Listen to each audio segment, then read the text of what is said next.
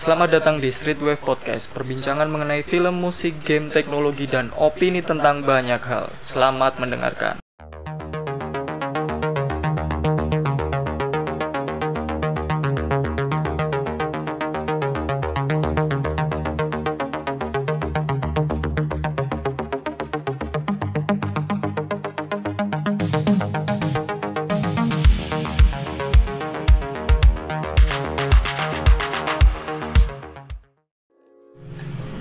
Streetwave Podcast episode ke-8 Kali ini kita di segmen Street Play Mau ngobrol-ngobrol tentang game ini Yes. Gimana Bung Putut? Kabarnya? Kabarnya langsung aja ke topiknya kayaknya ini. Oh iya, ini judulnya kali ini adalah gameplay, story, or visual Ini ada memang tiga komponen yang ada di game ya Segitiga ya. Segitiga game Mungkin bisa di dibuat konsep segitiga, game gitu ya Ya kalau zaman kuliah dulu kan pilih dua dari tiga biasanya. Hmm. Kalau ini berarti gameplay, story atau visual. Pilih yang mana gitu aja. Pilih Soalnya kadang-kadang ada yang tiga-tiganya bisa, kadang-kadang ada yang salah satu aja.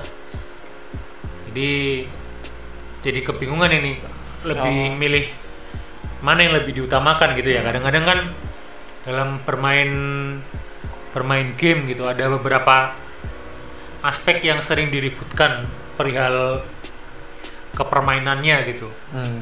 Lebih milih antara gameplaynya yang bagus Ya. tapi yang lain biasa aja bahkan jelek Hmm. atau mau storynya yang ceritanya yang bagus Menarik, tapi hmm. lainnya jelek atau Grafisnya aja, visualnya. grafisnya aja wis terserah yang lain nggak begitu menonjol nggak apa-apa tapi Yang grafisnya gitu kan yang penting mata ini termanjakan. gitu. termanjakan Hmm.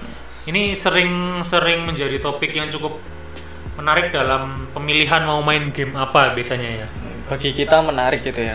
Karena ya ya intinya game kan tiga itu sih Tiga itu sebenarnya, sebenarnya ya. ya. Di gameplay. Kalau gameplay ini maksudnya apa sih Bung Putut? Bisa di Gameplay. agak dijelaskan gitu nggak? Jadi teman-teman. Tapi ini istilah umum ya bagi ya para itu kan cara pejagat game. hmm, cara bermain ya, di gameplay. Udah game tapi play, Play. jadi cara, cara bermain permainan. Cara bermain permainan ya. Jadi itu gameplay. Jadi eh, interaksi bagaimana cara kita berinteraksi dengan gamenya. Di dalam di dalam gamenya di terutama dalam gamenya gitu. Dan di berinteraksi kalau mau lebih teknis lagi ya berinteraksi dengan grafisnya itu kan kalau ini kan maksud kita game itu kan video game pastinya iya iya bukan bukan game ya monopoli iya bukan bukan bukan main rem itu kan juga game hmm, tapi betul. bukan Ini- bukan video game gitu ya. Jadi lebih ke arah pembahasan hmm. gameplay video game ya, ya. atau Jadi kalau gameplay itu ya interaksi antara player dengan grafisnya itu Dengan- melalui kontrolernya. ya Kalau- dengan input controllernya bisa bisa Ya, stick. stick bisa keyboard dan mouse Iya. Kadang-kadang bisa macam-macam. Kalau yang sekarang apa? Ada ada yang tapi intinya sih controller ya. Jadi Controller, ya. umum umumnya kalau saya sih ngomongnya ya controller, Controller. gitu. Controller ya bisa ya tergantung hardware-nya. Kalau komputer ya berarti mouse keyboard. Kalau Hmm, konsol ya. ya berarti ya stick Stick. PS-nya atau Xbox. atau Xbox ya Ya, stick Xbox-nya ya macam-macam. Jadi gameplay itu itu. Terus kalau story ya cerita sih ya, berarti hubungannya dengan cerita. Nah, ini sebenarnya jadi jadi dari tadi topik yang kita ributkan itu story ini sih. Tadinya kita mau bahas cuma dua aja antara gameplay sama story aja, Ya. tapi setelah mempertimbangkan di saat ini visual itu juga menjadi suatu aspek yang penting. Hmm. Kalau mungkin ketika awal-awal game keluar misalnya pas zaman-zaman masih main di PS1 atau di eh, Era-era PS1 Game Boy ya. misalnya gitu kan. Game Boy lah bukan Game Boy ya, Game Boy. Itu visual sih ya tidak begitu diperhatikan karena tidak ada opsi lain gitu. Hmm. Ya Dan mereka waktu itu itu ya paling bagus gitu loh. itu yang paling bagus Keluar 3D atau mau keluar diadunya antara gameplaynya atau storynya tapi kan di tahun 2020 ini visual itu juga sesuatu yang dijual sama developernya. Developernya, Oh, jadi- ya, iya. kadang suatu saat memang kita akan menemukan sebuah sebuah permainan yang ya visualnya aja yang bagus tapi ceritanya sih Biasa. biasa bukan jelek ya biasa Mm. terus cara mainnya ya biasa tapi kayak film ininya Nah, iya Nah. iya iya iya. apa namanya lingkungannya lingkungan permainannya Hmm. kayak film gitu Iya, iya, memang ada kalau saya nyebutnya sih evolusi. Jadi ada evolusi di dalam video game dalam industri video game ini ada beberapa tahap evolusi beberapa di mana tahapan. Hmm. ya dia juga di, dipengaruhi oleh kemajuan teknologi juga sih ya. ya benar Hmm. Jadi kalau kita kalau saya sih senangnya sih bahas dari dari sejarahnya dulu dari awal game game itu di ah, maksudnya video game itu jadi jadi sesuatu yang di dijual secara masif itu jadi komoditi itu. ya Dan memang kalau saya ngelihat walaupun saya nggak ngerti detailnya itu ya, tapi bisa saya tebak bahwa yang awal dikeluarkan dan pertama kali yang menarik perhatian itu ya tetap gameplaynya. Gameplaynya biasanya ini kan Jadi- kalau game yang pertama kali keluar itu Ya. kan ada ada ini ada, ada punya sumbernya, punya ya, apa, jadi referensinya ya. Ah, gitu. FYI aja jadi untuk untuk informasi bareng-bareng jadi game yang pertama kali keluar itu ada game yang namanya Pong jadi kayak tenis table apa tenis meja pingpong gitu lah ya Oh pingpong. iya, Ah, pong, oh pingpong gitu pingpong ya. ya ah, jadi Di game pingpong gitu ya. simple grafiknya cuma dua dimensi yang Hitam putih mungkin juga ya. bisa jadi ini di keluarnya tahun 1972 Oh, tahun tahun 70-an. 72 ini udah Oleh Atari. Oleh Atari Hmm. gamenya ya cuma cuma ada dua dua apa namanya dua dua raket yang terlihat dari atas gitu kan Hmm. ya sambil memukul bola dari Bolanya mantul-mantul mantul gitu. dari kiri ke kanan kiri ke kanan gitu terus kemudian kalau kalau nggak bisa menerimanya ya poinnya buat lawannya gitu Masukkan ya. nah, Pokoknya kayak tenis lah ininya ya kayak ten- pingpong persis lah pingpong dan tenis. dilihat ya. dari atas gitu ada yang dari atas. Nah ini ya ya walaupun bisa bisa juga dibantah tapi ya tetap menurut saya yang dijual ya tetap interaksinya. Ya, Jadi bagaimana playernya berinteraksi dengan grafisnya itu tadi itu di gameplay. sini kita nggak bisa bahas story karena apa yang dibahas dari Dari Pong ini. iya orang yang sedang main pingpong di atas gitu kan Eh, eh. barulah kemudian berkembang berkembang berkembang sampai yang sekarang ini Hmm. jadi ketambahan aspek visual juga yang kita yang kita pertimbangkan ya yang kita jadikan acuan untuk mau beli Hmm. main game apa? atau mau, beli? main main game ini Hmm. mau main game apa gitu Ya. Tapi kalau mungkin kalau kalau bagi kita yang hidup di Indonesia itu mungkin di diawali kalau saya sih ya saya pribadi ya ngegame itu baru bener kerasa ngegamenya dan saya paham ap- apa industri game itu ya ketika bermain PlayStation 1 Bung Putut. Kalau sebelumnya mungkin ada ya Nintendo, ada Sega Hmm, gitu. iya. Tapi saya nggak nggak familiar Belum dengan dengan itu. Heeh. Tapi saya istilahnya ya nggak terus terjun sih ya enggak ya. Tapi agak kecanduan sangat ketika terus main eh, ketika main di PlayStation, di PlayStation. konsol PlayStation 1 dan di PlayStation 1 itulah ya pada waktu itu sih ya melihatnya sih berarti belum Sudah. sempat main kayak Mario Bros atau Wah, Contra? lihat orang main sih iya tapi sampai bermain nyobain itu enggak. Ya itu kalau saya sendiri. Ya saya mulainya sih ya dari PlayStation 1 dan di PlayStation 1 pun yang saya lihat sih ya awalnya sih pasti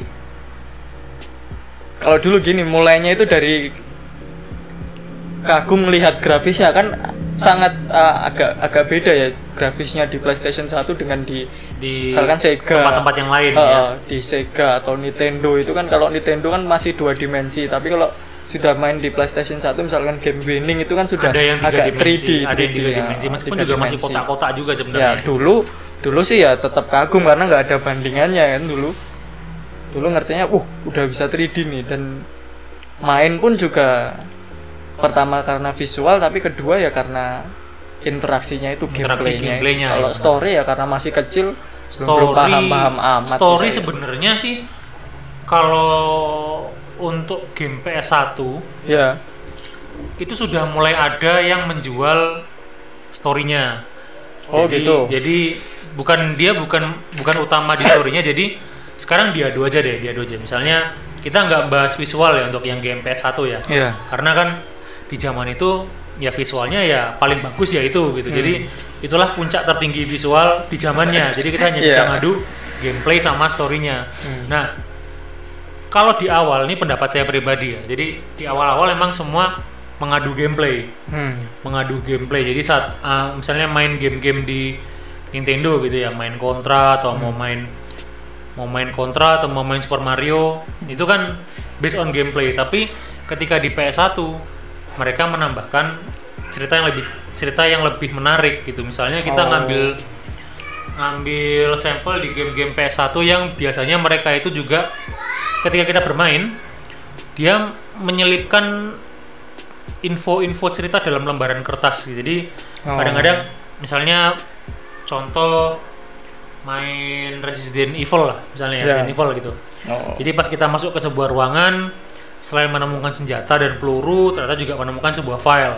Hmm. Nah, di file itu kita bisa baca, oh ternyata ini zombie ini mulai keluar begini loh ceritanya gitu. Oh. Jadi dia sekarang jadi dia juga menambahkan aspek story ke dalam story. menambahkan aspek cerita ke dalam gamenya. Sekarang kita diadu aja nih. Ada yang satu gameplaynya bagus, menarik lah. Kita nggak bisa bilang bagus ya karena bagusnya gameplay itu tiap orang beda-beda. Hmm.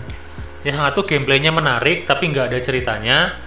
Yang satu gameplaynya biasa saja, bukan jelek biasa saja, tapi ada tambahan ceritanya. Hmm. Itu kan jadi jadi konflik sendiri bagi yang mau beli kaset karena saat itu kaset harganya ya masih lumayan waktu itu ya. Ya, yang asli. Kalau yang bacakan ya tetap murah. Itu kan tetap murah. Tapi Cuma kan ini daya beli, Ya, daya beli. daya beli anak-anak di dan zaman dan gini, segitu. di aksesnya ketika sudah ada PlayStation 1 ya, se seingat saya ya, itu itu kita bisa beli ya dengan harga yang nggak terlalu mahal. Nggak terlalu mahal, Karena betul. eh, fisik fisik bentuk fisiknya beda banget.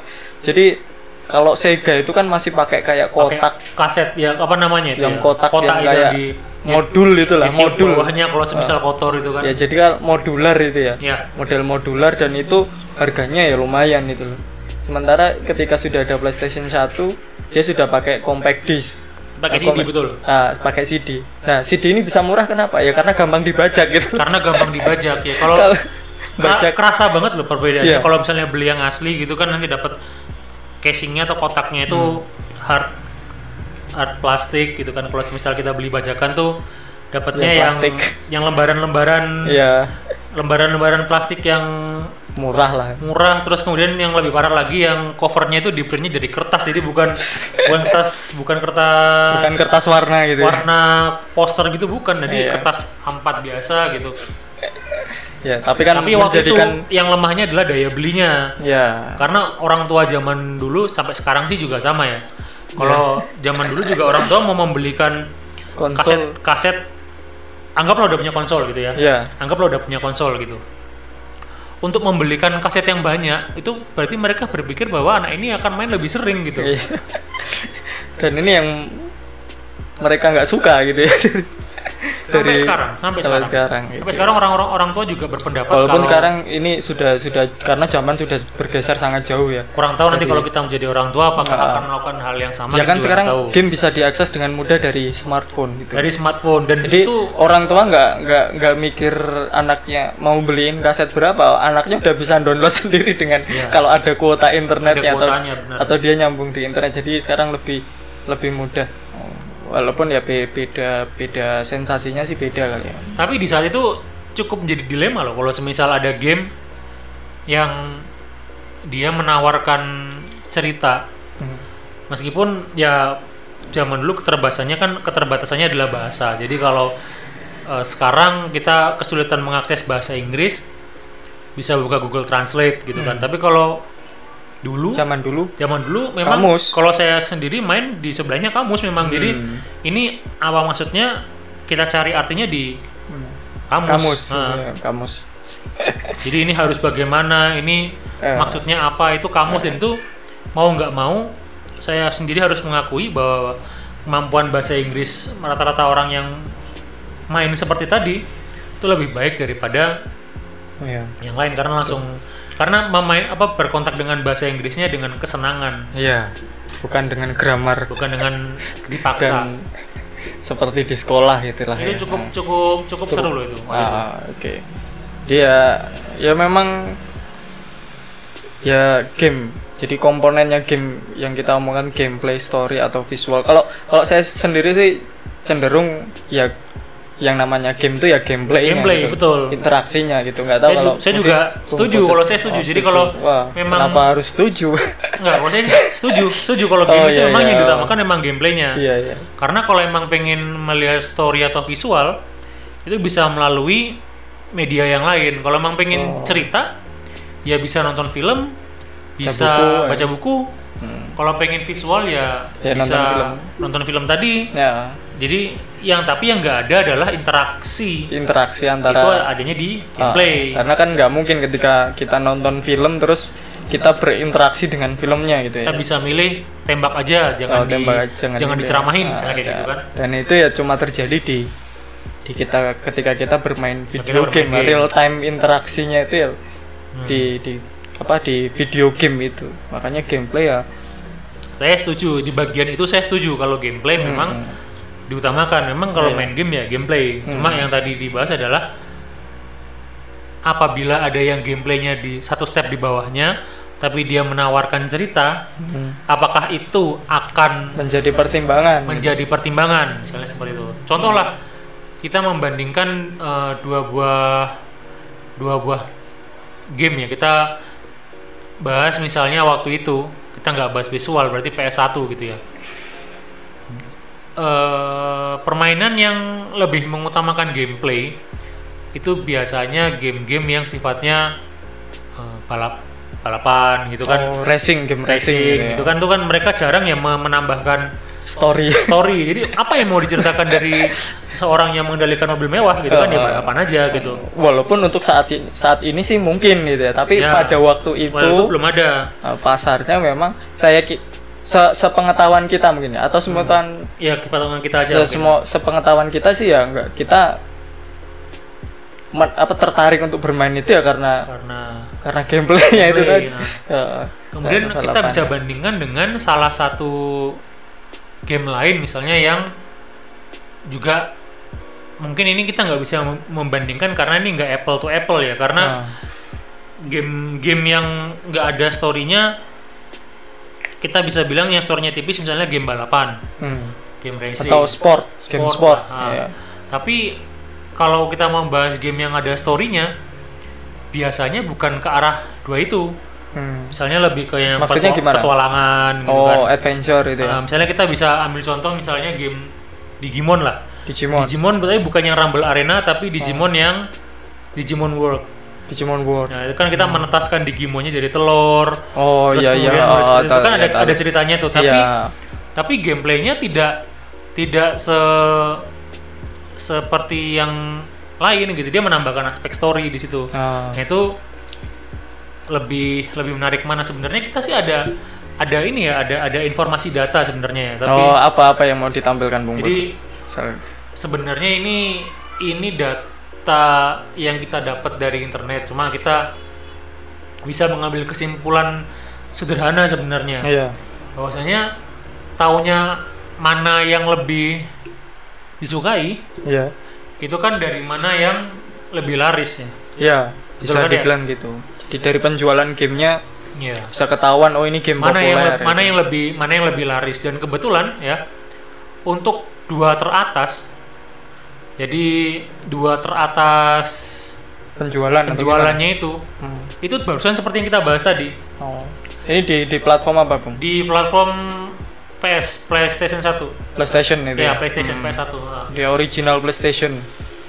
ya Game paling laris adalah menurut data yang kita dapat tapi Hmm. tapi bisa bisa berubah tergantung situasi dan kondisi ya tapi yang kita dapat per hari ini game paling laris itu adalah Gran Turismo Gran Turismo itu adalah game yang game game balapan kan ya Iya. game racing Simulasi. simulasi mengendarai mobil di mana hampir tidak ada ceritanya Iya.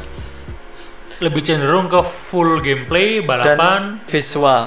Ada kalau saya sih visual karena saya pernah pernah main Grand Grand Turismo ya. Di pada waktu itu pada waktu itu visualnya Grand, oke Grand Turismo visualnya ya memang oke. Tapi- Tapi, yang membuat saya tertarik main Grand Turismo sih ya bukan visualnya, bukan sih. visualnya tapi Tapi gameplaynya gameplaynya di mana Grand Turismo itu menyajikan eh, realistik apa? Realistik simulasi simulasi realistis Iya. tentang balapan mobil itu yang yang seru sih di Grand tercatat angka 10,8 Koma delapan. juta yang terjual yang official loh ya Ya, 10,8 juta yang official karena kalau yang bajakan kita kan nggak bisa dihitung nggak bisa gitu. menghitung ya Ya. dan lucunya ya lucunya di nomor 2 itu menyusul di bawahnya selisih penjualan 1 juta kopi Iya. itu Final Fantasy 7 Oh. di mana Final Fantasy ini itu dia menyelipkan cerita di dalamnya Oh iya iya iya saya saya dengarnya juga kalau orang yang bermain Final Fantasy ya nggak tahu sih saya, saya bukan pemain Final Fantasy. Mereka pasti me, membangga-banggakan ceritanya cerita. Oh ini ceritanya bagus ini dari Final Fantasy 1 sampai berapa Bumbut? Final Fantasy Eh, 15 kebetulan ya? yang di sini 10 15 atau ya ada ada yang sampai situ cuma Oh, yang di iya. PS1 ini yang terlaris yang ketujuh yang kebetulan ketujuh gitu ya. Kemudian disusul lagi yang ketiga Gran Turismo 2. yang keempatnya Final Fantasy 7, eh Final Fantasy 8. Oh. Jadi ini saling selip apa antara Gran Turismo dan Final Fantasy Fantasy ini bersaing ya masalah Iya. penjualan Penjualan. tertinggi meskipun uh, kita bisa bilang ini data yang dijual secara official. Hmm. Yang kita nggak tahu kan berapa yang di di Yang tidak official tidak gitu lah. official yang dibeli secara bajakan atau misalnya zaman sekarang orang bisa main menggunakan emulator Iya. kemudian di download tapi tapi ya itu tadi meskipun kita bisa cari sebenarnya data yang di download di emulator itu yang paling laris itu apa tapi kan dia tidak punya kayak satu data yang kumulatif mak apa kumulatif merangkum semuanya gitu Dan Ya, juga ini se- kan zaman dulu ya PlayStation kan ya. Di eranya ya sudah berakhir gitu lah. ya Hmm. ini menunjukkan bahwa sebenarnya orang itu juga akan mempertimbangkan kalau ada sisi story-nya meskipun secara data Meskipun- gameplay memang paling atas Iya. gitu Tapi gini Bung Putri, kalau memang story jadi jadi bisa jadi ini ya, hmm, bisa jadi pertimbangan, pertimbangan ya yang mungkin cukup berat. Tapi ngertinya gimana kalau itu story-nya menarik gitu loh. Kalau gameplay kan kalau gameplay saya bisa berargumen gini. Kalau gameplay karena dulu saya mainnya di di rental gitu ya. Di kalau di Indonesia kan main PlayStation saya di rental saya nggak punya PlayStation Ya, dulu hmm. di rental. Kalau gameplay saya bisa berargumen gini loh. Kan saya bisa ngelihat orang lain main game gitu loh. Zaman dulu bukan bukan kayak zaman sekarang kita bisa langsung akses YouTube, kita melihat review game dari sisi gameplay, cerita dan apa pun lainnya gitu ya secara lengkap dan mudah gitu loh. Ya. Zaman dulu mah saya mau mau main tuh ya, biasanya sih ngelihat orang main orang lain main dulu gitu loh. Dan lihat orang main orang lain main itu kan yang saya lihat ya interaksinya gitu loh. Bagaimana dia keseruannya dia bermain game. ya Titik beratnya bukan bukan di ceritanya. Jadi Ya. kalau kalau dulu memilih bermain game karena ceritanya itu taunya dari mana ya mungkin tahu dari orang lain sih ya tapi dari orang lain yang pernah main mungkin Oh, gitu tapi bagi bagi saya waktu itu anak anak sekecil itu sih ya anak umur masih belasan atau belasan mungkin tahun lah ya. Belasan tahun itu bukan bukan faktor utama sih. Misalkan kalau ada teman saya oh main game ini loh ini ceritanya bagus itu kayak kayak kalau saya sih kayaknya nggak nggak bisa langsung oh iya tertarik. Tapi main ini loh ini seru loh gamenya. Oh bisa kayak gini. Nah itu biasanya saya yang tertarik sih di situ loh jadi oleh Kayak- karena itu tadi saya sampaikan di sebelumnya Hmm. jadi bukan gameplaynya jelek bukan. Hmm. jadi gameplaynya mungkin turun satu step karena eh, gameplaynya turun satu step terus kemudian dilengkapi dengan cerita Hmm. sebenarnya kita tadi seperti juga saya sampaikan ini nggak apple to apple karena Gran Turismo ini game genrenya racing kalau Final Fantasy temanya bukan racing gitu jadi Hmm. kalau mau membandingkan sebenarnya game racing dengan game racing lainnya yang ada storynya Hmm. tapi kebetulan memang memang setelah dicari kayaknya Iya. Ya terlepas dari pembandingan yang eh, nggak apple to apple. Cuma orang eh, maksud saya engage-nya itu gimana kalau dia ya. menge- mengedepankan Ya. story itu gimana itu loh jalurnya kalau sekarang zaman sekarang mungkin bisa karena banyak banyak review banyak video review misalnya kita, Ya. akses di YouTube emang kalau zaman dulu walaupun ternyata kenyataannya seperti itu loh tapi Ya. saya nggak kok bisa ya gitu ya mungkin ada ada sisi lain yang Kalau dulu sisi saya juga sih, nggak tahu sih Gini Bung, dari pengalaman beberapa teman-teman juga yang saya saya pernah kontak untuk mereka yang lebih suka main game-game yang ada story-nya. Hmm. Biasanya awalnya mereka kehook dengan gameplaynya. oh Awalnya, hmm. kemudian setelah mereka bermain, ternyata ceritanya bagus. oh Kemudian yang mereka promosikan.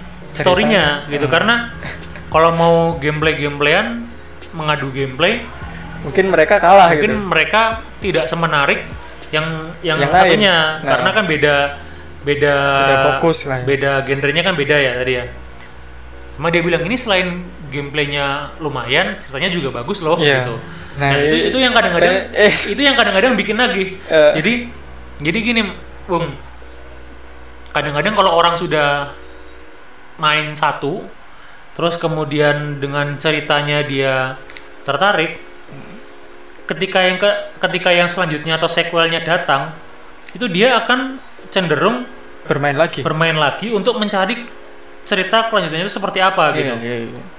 misalnya kita kalau yang saya mainkan sendiri ya misalnya ya saya kebetulan pas zaman kecil pernah main Resident Evil Hmm. yang pertama yang Iya. Resident Evil yang pertama di situ diceritakan ada dua tokoh yang pertama ada Jill Valentine Hmm. yang kedua ada Chris Redfield nah ketika keluar yang kedua diceritakan kalau tokohnya itu bukan lagi mereka berdua tapi tokoh baru bernama Leon Leon Kennedy dan Claire Redfield Hmm. yang ternyata memiliki kaitan dengan yang per- yang pertama tadi Oh. Claire Redfield ini dia mencari kakaknya nah ini kan menyebabkan ketika keluar yang selanjutnya kita jadi percaya ini sebenarnya outbreak zombinya ini itu akan berakhir seperti apa nah itu kan akan digambarkan ketika keluar Ya, versi terbarunya. versi selanjutnya seperti Iya. itu dan sampai sekarang pun yang ketujuh ya yang yang yang terbaru karena kalau yang dua dan tiga yang remake kita nggak ngitung lah. Hmm, karena kan oke. itu remake kan jadi nggak Hmm. nggak original story. Sampai yang ketujuh jadi kita bisa bisa ngurutin dari zamannya Resident Evil 0 kita Hmm. bisa bilang 0 karena di PS2 keluar Resident Evil 0 kalau nggak salah. Hmm. jadi 0 sampai yang sekarang 7 itu whole story-nya atau cerita keseluruhannya itu seperti apa. Jadi kita seperti juga akhirnya tertarik dengan ceritanya. Ceritanya, itu. Meskipun gameplaynya dari game ke game cenderung sama sebenarnya jadi Oh. ya ada zombie ditembak nyari senjata nyari peluru nyari obat gitu Iya, iya. Jadi bisa ya memungkinkan ya orang tertarik dengan Tertarik dengan, dengan ceritanya. ceritanya. Ya. beberapa teman-teman saya juga memang selalu ya orang-orang yang yang tertarik akan ceritanya Iya, mereka akan mem- memamerkan ceritanya dulu iya. Kalau gameplaynya soalnya kan kita cenderung sama untuk yang game-game dengan genre yang mirip-mirip ya Iya. mereka menceritakan misalnya gamenya um, Suikoden Psikoden. Suikoden Iya. yang baik yang pertama maupun yang kedua atau Chrono Cross itu ceritanya menarik menurut info dari mereka seperti itu dan ketika saya mainkan sebenarnya ceritanya juga menarik sebenarnya ceritanya sangat seru Hmm. meskipun gameplaynya ya ya standar standar gameplay dengan Oh, oh. dengan Ya. tema seperti itu gitu Oke. tapi memungkinkan tapi tetap memungkinkan Oh iya, memang.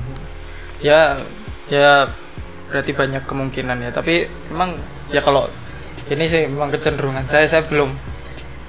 Kalau saya sih ngegame nggak terlalu melihat ceritanya ya. Saya titik beratnya titik beratnya sih di gameplaynya dan gameplay sih sebenarnya urusannya sih lebih bukan bukan hanya sekedar jadi kalau saya gini eh, me- me- mendefinisikan gameplay itu bukan sekedar cara kita mencet atau cara kita main gitu loh. Ya. Tapi eh tapi lebih ke lebih ke interaksi dan flow-nya kadang-kadang Bung. Bung Putut Mas maksud saya gini jadi ada kan yang yang saya nggak suka dengan apa biasanya game yang menitik beratkan ke story Ya. itu kita terlalu banyak pasif jadi pasif dalam hal ini eh, pokoknya keterlibatan saya biasanya nggak terlalu banyak gitu loh kalau yang story itu kan biasanya cuma milih ini terus nunggu ceritanya begini-begini cuma apa terus ke sini terus dilanjutkan dengan cerita sementara kalau yang dia full full interaksi gameplaynya Hmm. itu setiap menit saya terlibat terus gitu loh setiap menit terlibat terus nggak ada jedanya tapi saya nggak tahu juga ya untuk apa eh, lebih ke mana karena juga saya juga nggak pernah main yang Yang model ada ada ceritanya ya. eh, bukan nggak pernah main yang ada cerita tapi Kurang main yang menitik beratkan beratkan ke hanya di cerita gitu loh Itulah yang menyebabkan permainan-permainan di PS1 dulu Hmm. menawarkan banyak alternatif ending. Hmm. Itulah yang yang dimaksud dengan saya bisa menentukan jalan cerita ini mengarah ke mana. oh gitu Gitu. Jadi kadang-kadang memang ini yang yang nggak tahu apakah saya juga kurang begitu update dengan game-game yang sekarang ya. Karena yang sekarang juga lebih menguatkan ke gameplay dan visual. Hmm. Lebih utamanya ke visual sekarang karena Iya. visual sudah menjadi salah satu aspek yang dipertimbangkan. Kalau yang dulu itu mereka menawarkan banyak sekali alternatif ending. oh Misalnya gitu. kita eh, minimal minimal ada dua lah, good ending dan bad ending. Jadi kalau kita misalnya melengkapi side questnya, terus kemudian memilih beberapa jalur tertentu, ya bisa mendapatkan good ending. ya Nah, atau bisa juga kalau tidak melengkapi atau ada hal yang lain tidak dilakukan bad ending. Bahkan di beberapa game dia menawarkan alternatif ending Hmm. gitu. Jadi termasuk yang dilakukan di Resident Evil 3. Ini yang nanti mungkin akan saya kita bahas terpisah mungkin ya Resident Evil 3 antara yang remake dan yang bukan. Jadi kalau dulu pas zaman di PS1 itu kita nih misinya adalah misalnya mengumpulkan barang A, B, C gitu. Ketika kita meng- mengumpulkan barang A itu nggak ada nggak ada nggak ada jump scare-nya sama sekali. Tapi ketika kita memilih mengambil barang B dulu, kita akan bertemu dengan bosnya atau nemesisnya itu di ketika kita mengambil barang C. Kalau kita mengambil barang C dulu, maka kita ketemunya di yang B. Hmm. Nah itu itu kan menawarkan sensasi tersendiri. Jadi kita bisa merasakan oh kalau bertarung atau melawan nemesis di tempat B itu seperti ini. Oh. Kalau yang di C seperti ini. Itu kan story berarti ya. Apa Iya. namanya? Ada alternatif-alternatif gitulah yang Iya. menyebabkan itu kita bisa menentukan sendiri nasibnya ini tapi mau gini, ke mana. Di. Hmm. ketika ada alternatif itu apakah akan me- mengubah jalan cerita secara benang merah jalan ceritanya Secara overall enggak? Secara Ah. overall enggak? Ah, mungkin berarti itu lebih masuk ke gameplay mungkin saya nggak tahu karena misalkan gini misal misalkan gini eh, maksudnya Hmm, kenapa Saya paham, saya paham. Maksudnya, maksudnya kenapa dibilang lebih ke arah gameplay karena secara overall story-nya tidak Iya. tidak berubah. tidak berubah Benang apa main apa namanya main story-nya atau kerangkanya tidak berubah, tapi di, di, Cara- di detail-detailnya Iya. itu berubah apa berganti-ganti. Misalnya Iya. eh, secara ke seluruh kalau eh, kita mainnya di Resident Evil 3 aja yang kebetulan kita yang kita bahas ini gitu ya. Iya. benang merahnya atau kerangkanya adalah mereka semua atau karakter yang kita mainkan selamat selamat itu storynya atau Iya. main storynya tuh mereka selamat Iya. tapi detailnya sedikit berbeda oh ada yang selamat dengan mereka mengendarai helikopter yang mereka kendarai sendiri hmm. ada yang mereka selamat menggunakan helikopter yang dikendalikan oleh orang lain, dijemput oleh orang yang di mana orang ini dulu sempat berkontak dengan Jill Valentine di Resident Evil yang pertama. oh gitu Meskipun secara keseluruhan mereka ya mereka kabur dari Raccoon City menggunakan helikopter. Ya. Itu main story-nya, tapi detailnya ada sedikit perubahan. Nah, itu mungkin yang sensasi. Jadi saya bisa bilang sensasi mungkin ya pengalaman pengalaman lain untuk satu game yang sama. Kadang-kadang kita juga sering ya, misalnya main kemudian menamatkan terus kemudian menggunakan game shark tujuannya hanya untuk ngebully musuh yang ngebully musuh yang menyusahkan kita gitu. Itu kan Oh. sebenarnya juga menjadi perbedaan sensasi aja. Meskipun secara keseluruhan temanya adalah kita menghabisi menghabisi semua zombinya gitu. Ya yang awalnya tanpa citra seok-seok susah, susah payah. Kemudian setelah diulangi lagi kita menjadi dewa di situ. dewa. Dari awal udah pakai basoka gitu ya kan bully jatuhnya kan. Ya Hmm. ya itu tadi. Jadi eh kan bisa di ternyata ada ada alternatif bermain game yang model alternate story gitu ya atau ya ya. Jadi ada eh, benang merah sama tapi dengan dengan Detail detail yang berbeda. detail detail yang berbeda. Justru Nah, itu- makanya ya gimana? Ya, itu masuknya itu titik beratnya di story atau sebenarnya itu gameplay gitu loh. Itu cara memainkan gamenya gitu kalau cara memainkannya kalau menurut saya tetap tetap Tetap. tetap tetap tetap, Nah, tet- lawan zombinya tetap jadi Nah, sama. semua musuhnya semua dilawan Hmm.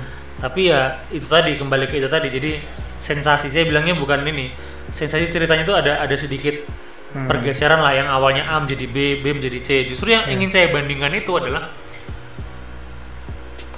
adalah misalnya yang salah satunya bener-bener jelek gitu jadi misalnya ini kan kita biasanya tiga ya ada ada visual gameplay story. Hmm. kalau zaman saya kuliah dulu segitiganya beda. Segitiganya adalah ini ini yang yang buat lucu-lucuan pas zaman kuliah dulu. Saya sorry agak agak out of topic. Jadi mau nilainya tinggi mau temennya banyak apa mau tidurnya cukup? Pilih dua dari tiga. Hmm. kalau yang temennya banyak tidurnya cukup ya nilainya nilainya nggak bagus. Ya. Ya nilainya bagus temennya banyak biasanya orangnya kurang tidur. Hmm. di kelas sukanya tidur.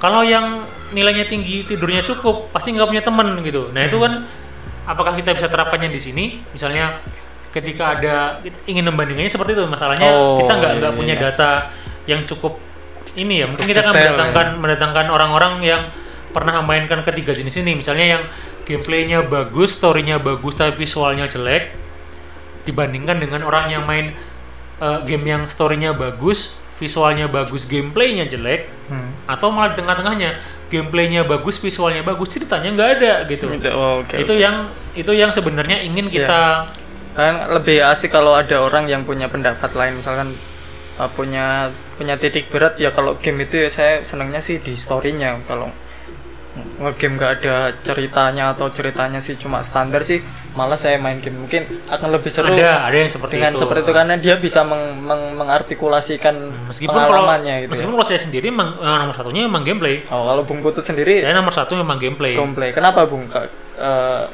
memilih lebih memilih karena itu yang ke, Gameplay. yang meng- me- me- apa ya? Mengait kita ngehook kita pertama kali memang gameplaynya. Hmm, kalau emang pengen story ya tadi eh, ya. nonton Baca film buku, baca buku yang lain. Ya. Sebenarnya game-game itu kadang-kadang ada yang diangkat dari novel. Ya. jadi lu kalau mau baca novelnya aja. Ya. kalau emang pengen detail ceritanya, gitu. Kalau emang pengen detail visualnya ya nonton film aja Hmm. gitu. Lihatlah filmnya. Tapi kalau emang datang untuk main game ya pasti gameplaynya. Gameplaynya. meskipun tadi ada yang dibahas gitu. Hmm. gimana kalau ada pilihan-pilihan seperti tadi. Sebenarnya saya yang cukup kesulitan sendiri juga menemukan perbandingan triple threat ini. Jadi game apa nih yang bisa kita bandingkan yang gameplaynya bagus, storynya bagus, visualnya jelek Iya. dibandingkan sama yang tadi saya sebutkan gitu Hmm. mungkin kita bisa bandingkannya dengan eh, kita bisa mengacu misalnya kalau kita udah ketemu nih Ya. kalau yang yang gameplaynya bagus, storynya bagus, visualnya jelek tuh game A. Yang kayak gini game B, yang ini game C. Nah, baru bisa dibandingkan. Misalnya kita membandingkan aspek dari rating atau review dari kritikus. Jadi A, B, dan C ini lebih, lebih oke yang mana? Atau kita bisa bandingkan juga dari misalnya penjualan mana yang lebih laris Iya. kita kita pasti bisa lah mencari datanya kayak berapa orang yang yang menggemari game seperti ini itu juga pasti kelihatan kok dari data-data yang ada di internet seperti itu. Iya, iya, iya. Ya. Mungkin akan lebih lebih menarik kalau bisa seperti itu. Cuma karena memang saya juga saya saya sendiri juga kalau main game sih ya titik beratnya pasti di Gameplay. gameplaynya saya sejarang atau malah nggak pernah sih bermain game ter engage tertarik karena, karena storynya karena storynya karena saya nggak bisa relate Gi- gimana kalau story itu ya terlepas dari sekarang review banyak terus saya bisa tahu storynya oh ternyata memang bagus gitu ya. Hmm. tapi kalau zaman dulu ya saya lihat tetap pasti gameplaynya Gameplay, orang iya, orang memang. orang main gitu loh. Orang main seru nggak ini? Perkara storynya paham apa nggak paham? Misalkan gini ke- kebiasaan kalau kita ke- kebiasaan saya sih kalau saya main di apa? Di rental ya. waktu dulu. Misalkan salah satu game eh, single player itu ya campaign gitu ya. Jadi ada misinya ya. Pasti kalau ada cutscene-nya saya saya skip. Kenapa?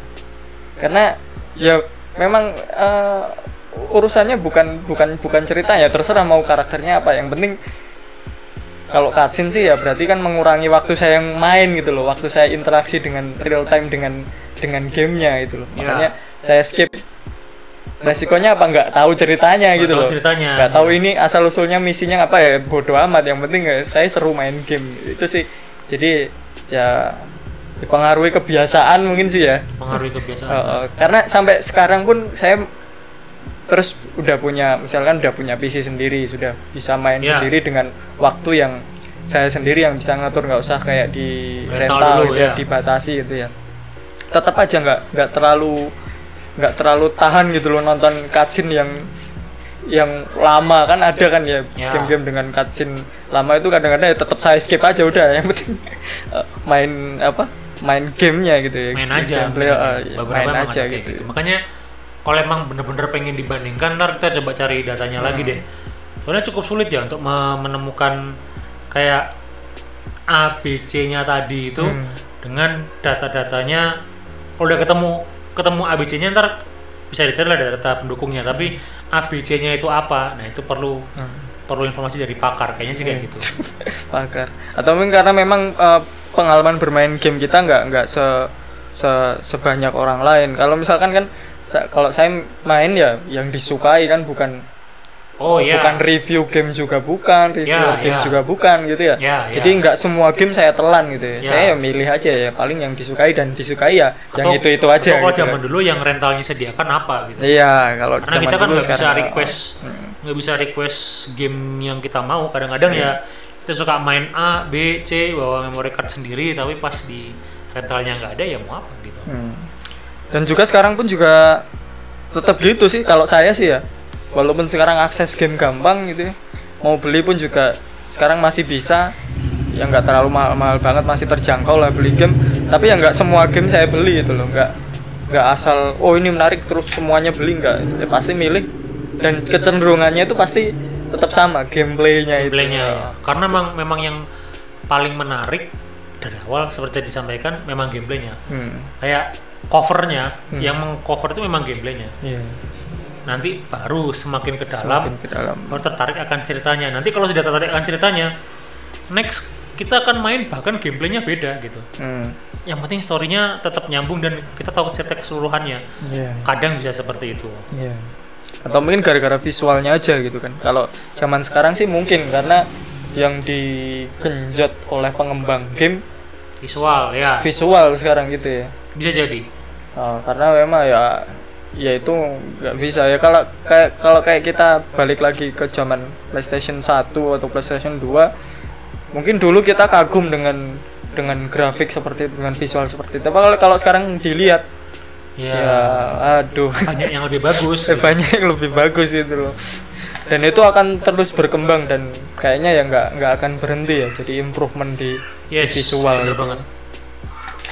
Dan mungkin in- uh, gameplay pun juga berkembang tapi saya kira nggak se nggak semasif visual sih ya.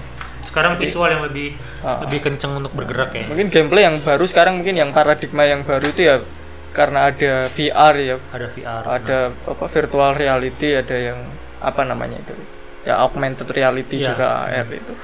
Tapi itu pun juga nggak nggak bisa populer. Kalau belum tentu belum tentu akan sepopuler yang ini tapi yang tradisional ya, ya, ya. karena emang ada sensasinya sendiri kalau main game tuh ya menggunakan apa menggunakan layar yang tidak sebenarnya nempel di mata gitu. Ya eh, ya itu yang saya saya omong tadi. Jadi agak saya meragukan kalau VR ini walaupun menarik gitu. Saya belum pernah nyoba sih. Bung Putut pernah Udah, udah, udah pernah. udah pernah Udah ya? pernah. Oh, kalau saya sih belum pernah nyoba sih. Ya Tapi- katanya memang uh, sangat imersif gitu. Mau katanya sih saya nggak tahu juga. Tapi ya Dan paling asik kalau sebenarnya main game horror sebenarnya kalau oh gitu ya. Cuma uh, siapa gitu yang betah lama-lama ada benda nempel di mukanya Ya. sampai 8 mungkin kalau kita anggap aja main secara cara tradisional ini kita bisa tahan mungkin 8 5 sampai 8 jam gitu Ya. main gitu tapi siapa yang tahan ada benda nempel di mukanya selama 8 jam Selama- terus selama menerus itu, ya. selama selama itu gitu ya. ya kalau saya sih nggak nggak pasti nggak nyaman sih ya dan mungkin juga nggak safe juga ya kalau ada Ya. sampai ada nempel Gak seperti bisa itu. jaga jarak Nah, aman ya. Iya. Ya itu sih tapi nggak tahu nanti perkembangan teknologi seperti apa kan kadang-kadang bisa berkembang tidak seperti yang Kita duga ya. kita duga gitu ya. Ya kita tunggu aja itu perkembangannya seperti apa. Tapi ya ya menurut saya sih masih cara tradisional masih yang Masih paling benar. yang paling asik untuk saat ini dan Iya. gameplay memang jadi jadi tarik utama jadi tarik utama gitu loh. Meskipun tidak menutup kemungkinan Hmm. ketika keluar sequelnya bisa tertarik karena ceritanya. Iya. Nah, seperti itu. Karena saya saya juga bisa berargumen gini, Bung. Kalau yang sekarang kan yang populer itu kan orang ngegame di platform smartphone, Ya. smartphone ya, Ya. yang yang itu aksesibel, jadi Ya. aksesnya gampang. Nah itu kan titik beratnya kan juga di gameplay, bukan bukan Biasanya di bener cerita, di gameplay, bener di bukan gameplay. di cerita, dan bukan di visual juga. Kalau banding mau banding bandingin visual ya tetap masih kalah kadang-kadang juga. Ya wong namanya layarnya kecil gitu ya. Ya. Walaupun mungkin uh, secara detail teksturnya ada yang sudah bagus Ya. atau uh, tapi ya mau kalau mau bandingin dengan PC ya tetap masih Masih lebih masih jauh, masih ke jauh. visualnya. Dan intinya sih memang orang tertarik ya di ge- di gameplaynya kita itu. semua sepakat kalau memang gameplay adalah daya Ya, tarik utama. ya. Tapi tidak menutup kemungkinan kalau story Kalau itu bisa. bisa. Nah, dan bisa malah orang jadi nggak peduli sama gameplaynya Ya. setelah kecantol sama ceritanya. Ya, jadi kesimpulannya ya, dari diskusi ini adalah. Kira-kira sejauh ini ya, sejauh ini. seperti itu. Hmm, perkara perkara visual ya nanti menyesuaikan aja mau gamenya Iya. game apa gitu kan. Karena pasti semakin ke ke depan 2025, 2030, 2050 pasti visual akan jauh lebih Pasti lebih bagus lebih lagi. bagus lagi Nah, meskipun meskipun ya gamenya ya gitu-gitu aja. gitu-gitu aja gitu. Hmm. Dan juga sebenarnya lebih seru kalau ada orang yang punya pendapat lain gitu Punya dari pendapat kita. lain. Ya, ini kebetulan kita berdua ya ya setuju dan ternyata punya Setuju. pengalaman yang sama Hmm. memang ya intinya game itu ya gameplaynya, Gameplay. interaksinya gitu Betul. loh. Yang membuat kita engage atau tertarik dengan suatu game. Berhubung Gitu. ini kesimpulannya udah keluar, jadi kayaknya Hmm. kita bisa close ya untuk diskusi Ya, di segmen, street segmen street, street play, play gitu ya. street Hmm, play jadi yang berjudul gameplay, apa tadi? story, oh, gameplay, gameplay story atau visual. story or visual gitu ya. Which one Which one? you you prefer? Ya. Mungkin Ya, ya lebih serunya kalau memang ada ada ada interaksi antara yang berbeda pendapat sih. Jadi siapa tahu penilaian kita ada yang kelewat gitu loh, Bung ya. Jadi bisa di direvisi lah ya. Ah, Jadi kan ini kan subjektif Hmm. Pengalaman kita dan ya itulah ah, ya itu adanya itu itu ya kita ngertinya sih ya namanya game ya gameplay gitu. Mungkin Ada lagi Bung itu close aja ya. Itu aja kali ya. ha? Ya terima kasih sudah mendengarkan Street Wave Podcast episode ke berapa ini Bung? Ke delapan ya Delapan. di segmen Street Play. Uh, kalau ada yang punya pendapat lain bisa komentar di bawah ya tentang game-game atau mungkin rekomendasi game yang kita tadi ngomong tadi Iya. ini gamenya gameplaynya bagus banget tapi yang story sama visualnya jelek banget gitu loh Bisa bisa share kali ya. dan kebalikannya itu dan macam-macam lah. Oke, saya Haris Aribowo. Saya Bagas Koro Putut. Sampai jumpa. Selamat Selamat beristirahat. selamat beristirahat. Sampai ketemu lagi di podcast selanjutnya.